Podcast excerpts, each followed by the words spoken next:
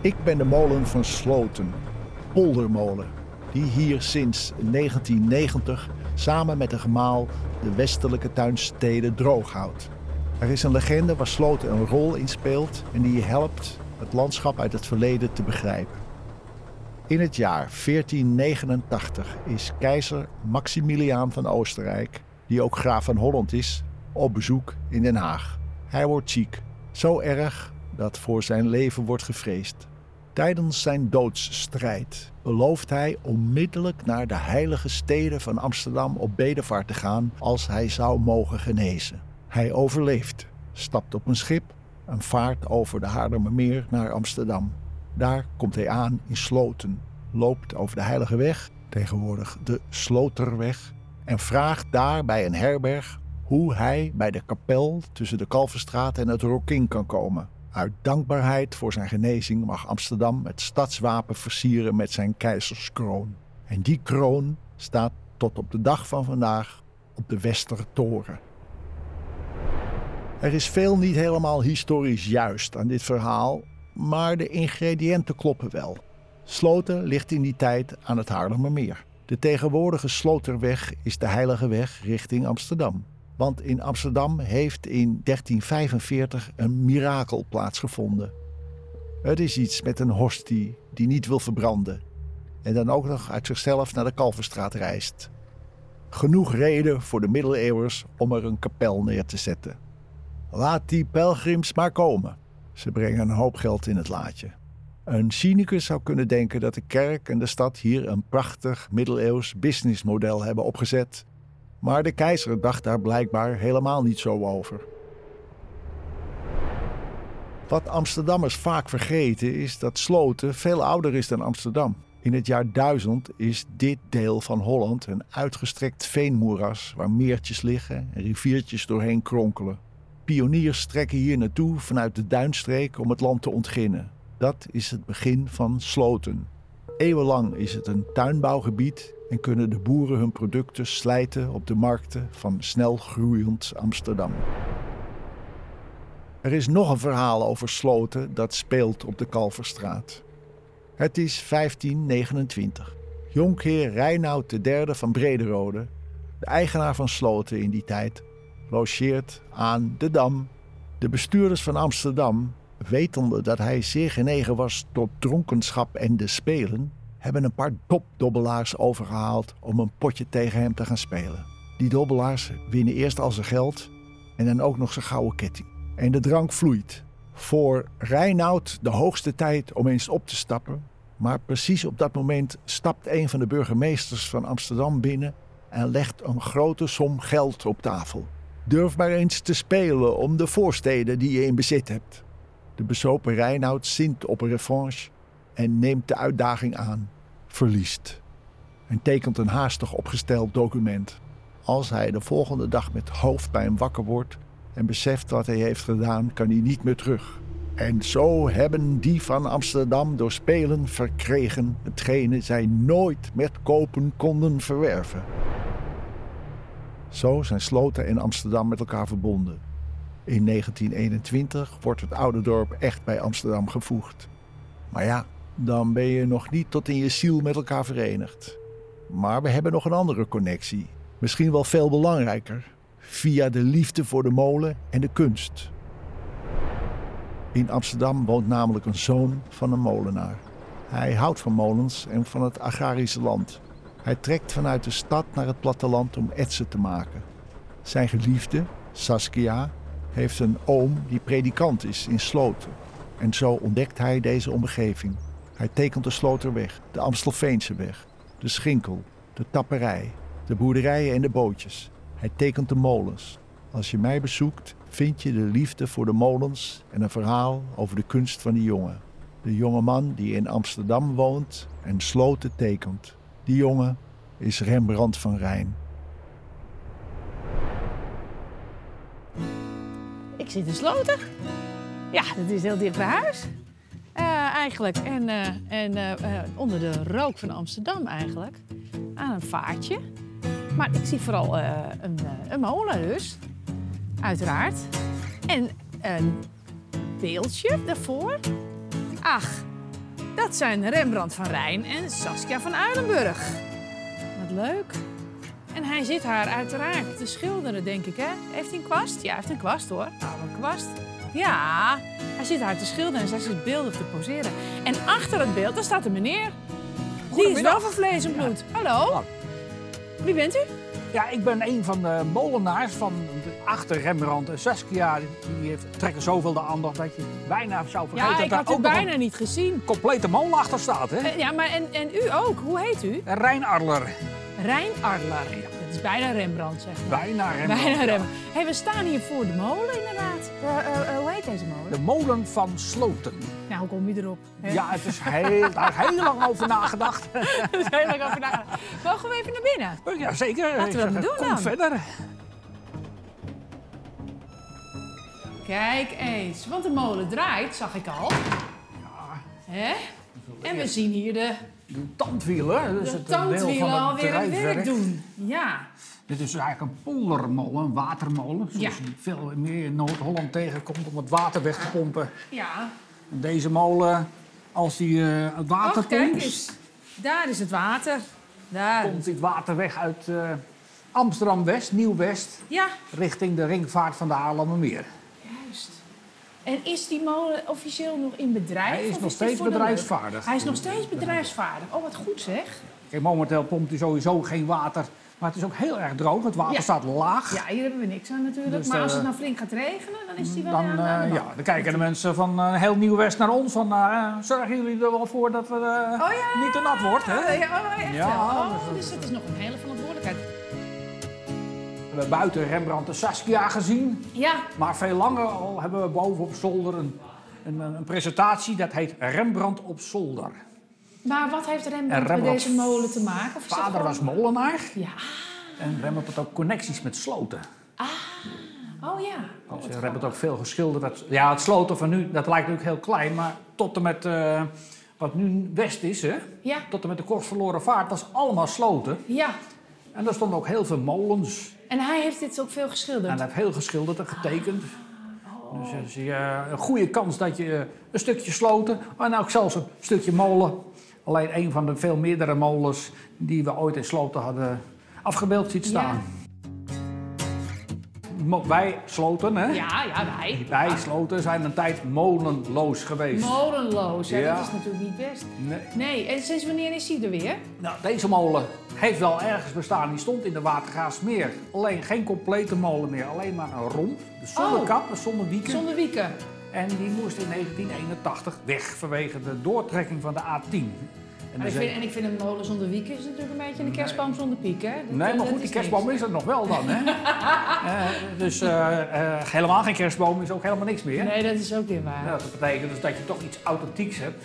Ja, Dus die molen is daar uiteindelijk in 1981 daar weggehaald. ja. Een tijdje opgeslagen totdat hier de middelen waren om weer zo'n herbouw te kunnen denken. ja. En zodoende zitten we eigenlijk in een stukje van de molen van de Watergaasmeer.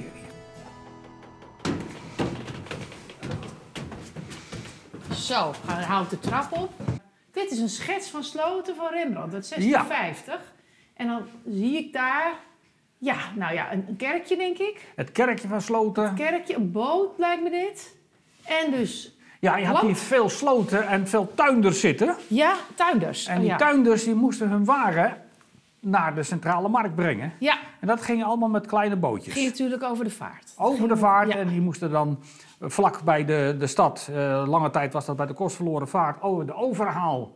Want je moest van het lage land naar de hogere vaart toe. Ja, En dat hoogteverschil werd overbrugd met een overhaal of overtoom. ja, Dat is een installatie waarmee je dus de bootjes eerst handmatig met twee grote wielen over een soort hellingje heen getrokken werden. ja. En van laag naar hoog of andersom eh, te gaan. Maar dit was dus veenmoeras. Dat was veenmoeras allemaal. Het was hè. nattigheid. Eigenlijk het hele gebied was eh, is ook nog een deel uitgeveend geweest of verder afgegraven. Oh, echt? Dat heet, daar, daar is de wijk de Eendracht nog naar genoemd. En dat is langzaam aan, is dat eigenlijk droog gemaakt. Nou, dit is eigenlijk alleen de Lutkemeer staat hier als meertje. En dan nog een heel klein meertje, dat heette de Ookmeer. Die was al heel laat droog gemaakt. Verder was het allemaal weiland. Maar weiland, veengebied, Ja. is gewoon heel heel sompig eigenlijk. Heel zompig, Ja, ja. dus dat is nooit echt een waterpartij geweest. Nee, maar gewoon natte glans. zeg. Ja, En, en- hebben de molens daar aan bijgedragen? Ja, hebben overal bij de molens opgestaan. Ja. Dus er zullen er hier een heleboel geweest Ja, zijn. er hebben een heleboel. eh, ik, ik denk dat het toch nog een hele tour worden als je elke molen die er ooit was, als je die wil wel terug eh, vinden. Het zou wel leuk zijn. Dus eh er zijn, en is al heel ver, er is een, een database, dat heet de database van verdwenen molens. Ja. nou ja, daar kom je ook wat een en ander tegen. Nou, als ik even af naar buiten kijk, eerst naar het westen toe. Ja. En dan kijken we dus over de ringvaart van de Haarlemmermeer uit. En aan de linkerkant zien we Bad Oeverdorp liggen. Ja. En dat is dus eh, een dorp wat in de gemeente Haarlemmermeer ligt. Stel je voor, je zou hier 200 jaar geleden hebben gestaan... dan had je over het, over het Haarlemmermeer uitgekeken. Ja, ja. Nou, Dat kan je nou helemaal niet meer zien natuurlijk. Dus eh, heeft deze molen niet meer meegemaakt. En aan rechts, aan de, aan de rechterkant, en in het noorden tot noordwesten... dan zien we dus die nieuwbouwwijk De Aker. Ja. Dus deze is, eh, dat is ongeveer de, tot 2002 is dat tot hiertoe eh, opgerukt. Nou, het is flink dichtbij Het gekomen is flink ook, hè? dichtbij. Nou, iemand heeft wel licht voor ons aangedaan, wel aardig allemaal.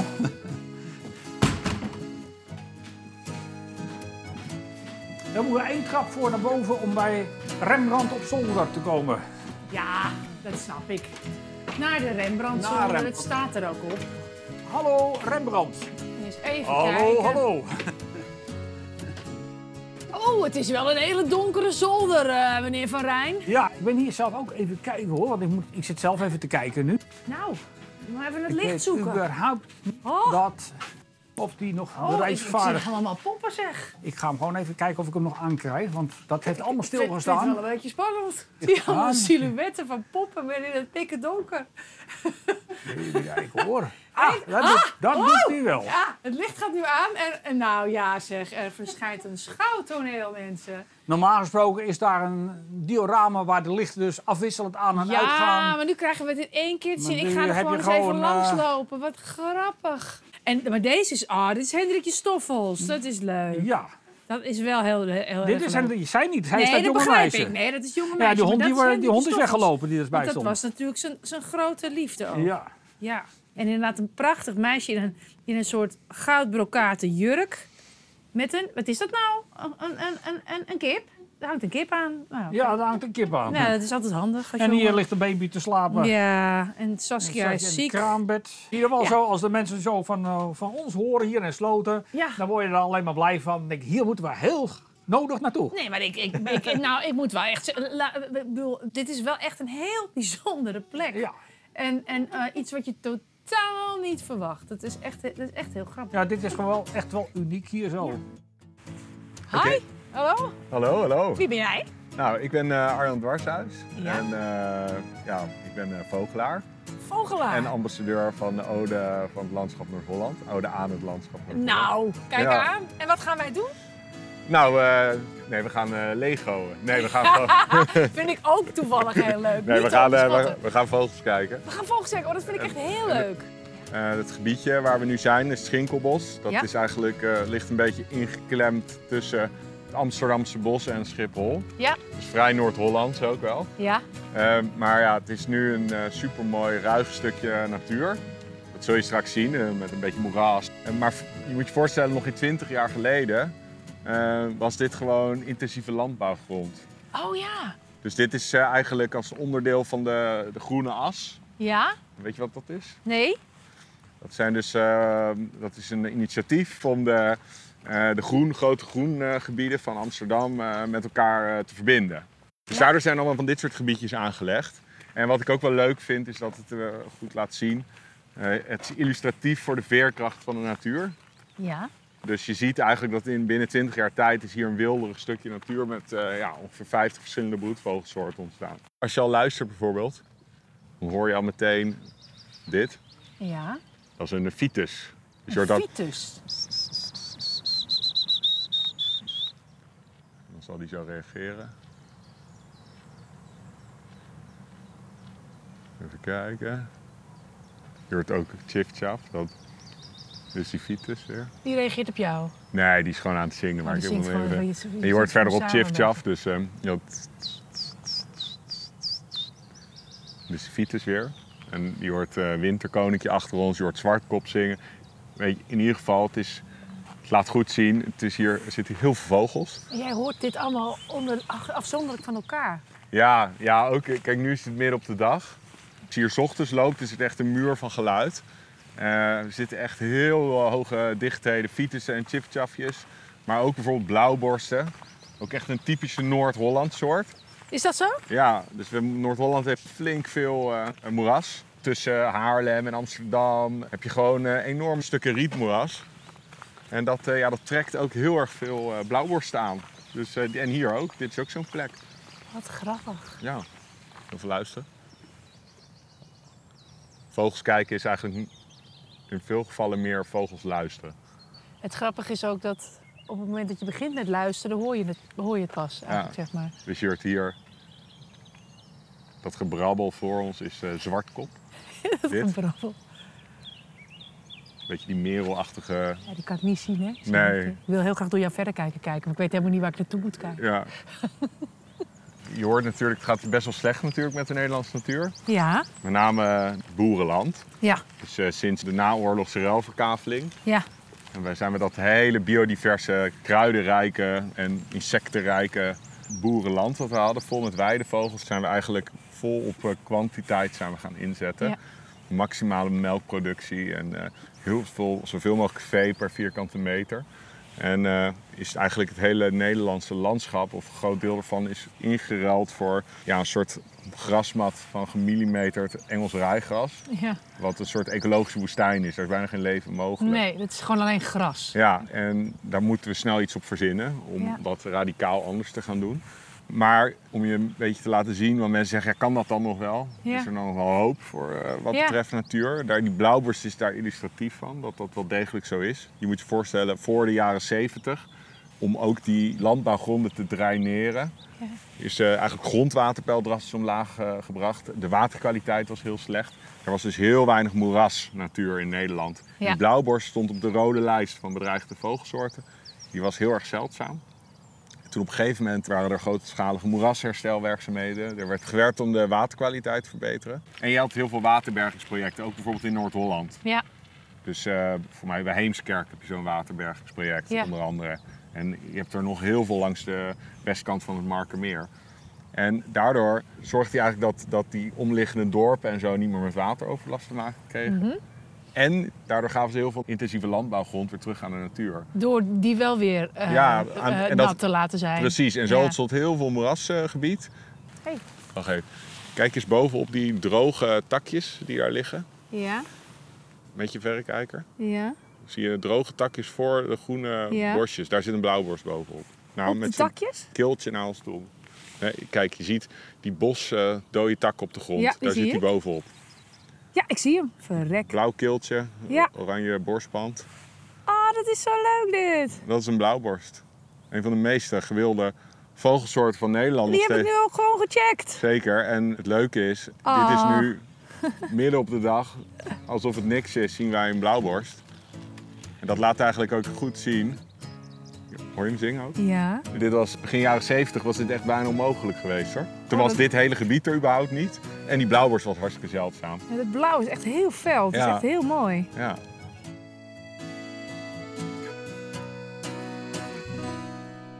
Ja, het is, eh, het is allemaal nog niet te laat. Nee, En precies. eh, daarom heeft de Vogelbescherming Nederland dus nu bijvoorbeeld ook met dat... eh, proberen we aanvalsplan Grutto, proberen we door de, in het nieuwe regeerakkoord te krijgen. Aanvalsplan Grutto, ja? Ja, dus we proberen om ja, door een- het kabinet eh, een flinke investe- jaarlijkse investering te laten doen. Ja.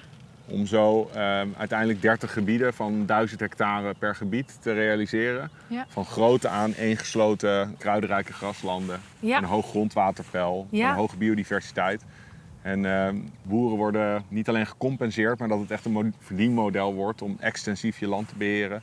Waarbij het eigenlijk rendabel wordt om eigenlijk een hoeder van de natuur te zijn. En waar Dan- verdienen ze dan aan? Nou, een hogere melkprijs Oké. ten ja. eerste. Ja.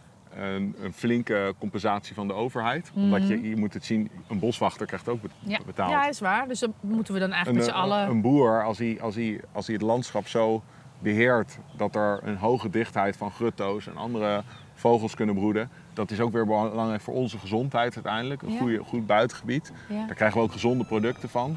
Ja. Mensen kunnen genieten van die natuur, dus daar moet ook een prijs tegenover staan. En op dit moment is het hoogstens compenseren, maar dat is nog geen verdienmodel en daar Nee. moeten we naartoe. En eigenlijk wat uiteindelijk, waar het op neerkomt, is 2 eurotjes extra belastinggeld per persoon per jaar. Per jaar. Ja, Dat stelt niks voor. precies. En dat we misschien een duppie meer per pak melk gaan betalen. En dan eh, kunnen we dat, die natuur van toen kunnen we toch wel voor een, groot deel weer, voor een groot deel weer terugkrijgen. Bij mij vooruit, ik houd wel koers. Ik stuur wel bij, ja ik stuur wel bij. Leid me naar dorpen, meren en steden. Blaas me over dijken heen. Waai me vooruit, waai mij vooruit. Toon mij vergezichten die ik nog niet ken. Ik houd wel koers, ja ik stuur wel bij. Waai mij vooruit.